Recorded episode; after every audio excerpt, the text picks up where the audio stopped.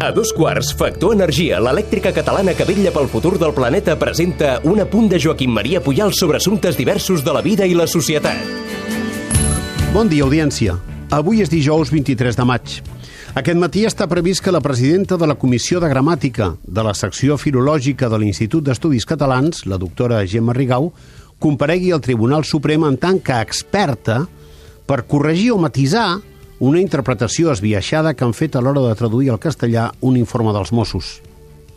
Es tracta de la següent frase. El dia 1 d'octubre de 2017 s'ha de celebrar el referèndum d'autodeterminació de Catalunya.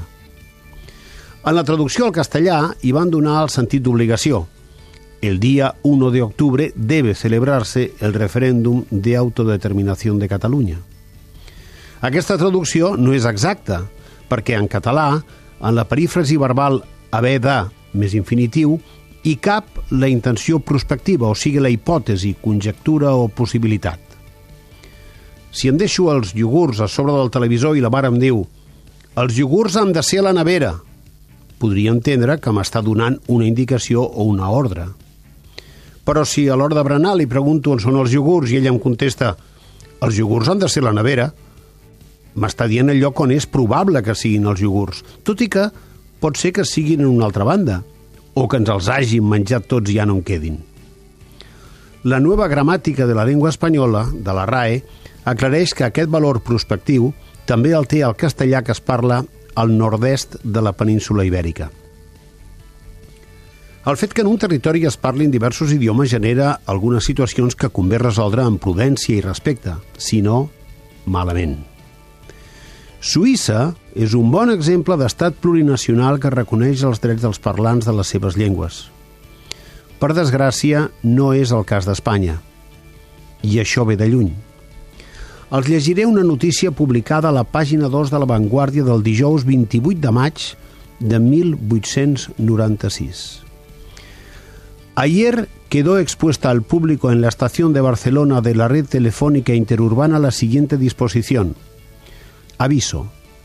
La Dirección General de Correos y Telégrafos, en orden del día 23 de los corrientes, previene a esta sociedad que no permitiendo las disposiciones vigentes el uso de los dialectos catalán y vascuence ni ningún otro en los distintos servicios que se prestan por las líneas de la red, como son el de telefonemas y conferencias, ni otros idiomas que no sean el español, francés, italiano, portugués, inglés y alemán, tomen las medidas convenientes para el exacto cumplimiento de dichas disposiciones.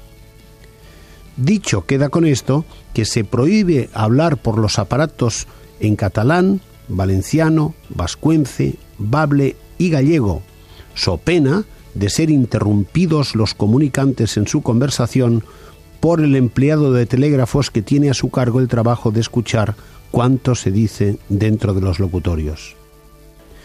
Segons la notícia publicada per La Vanguardia, el primer catalanoparlant a qui van interrompre la conversa va ser un conocido fabricante de sederías quien protestó indignado. Avui fa exactament 123 anys d'aquesta ordre que acabo de llegir i que va ser dictada per la Direcció General de Correos i Telègrafos. Gràcies a les protestes va estar vigent poc temps, però és un exemple més de l'espanyolitat excloent, respectar una llengua i respectar una cultura i la gent que la parla. La mirada d'en és una exclusiva de Factor Energia. En Manu, el Minimans, manis pels amics, no, no ha contractat la llum a Factor Energia i no, no s'estalvia un 12,5%. Manu, contracteu tots la llum. A factorenergia.cat i no farem més anuncis. Per fi hi ha un altre llum.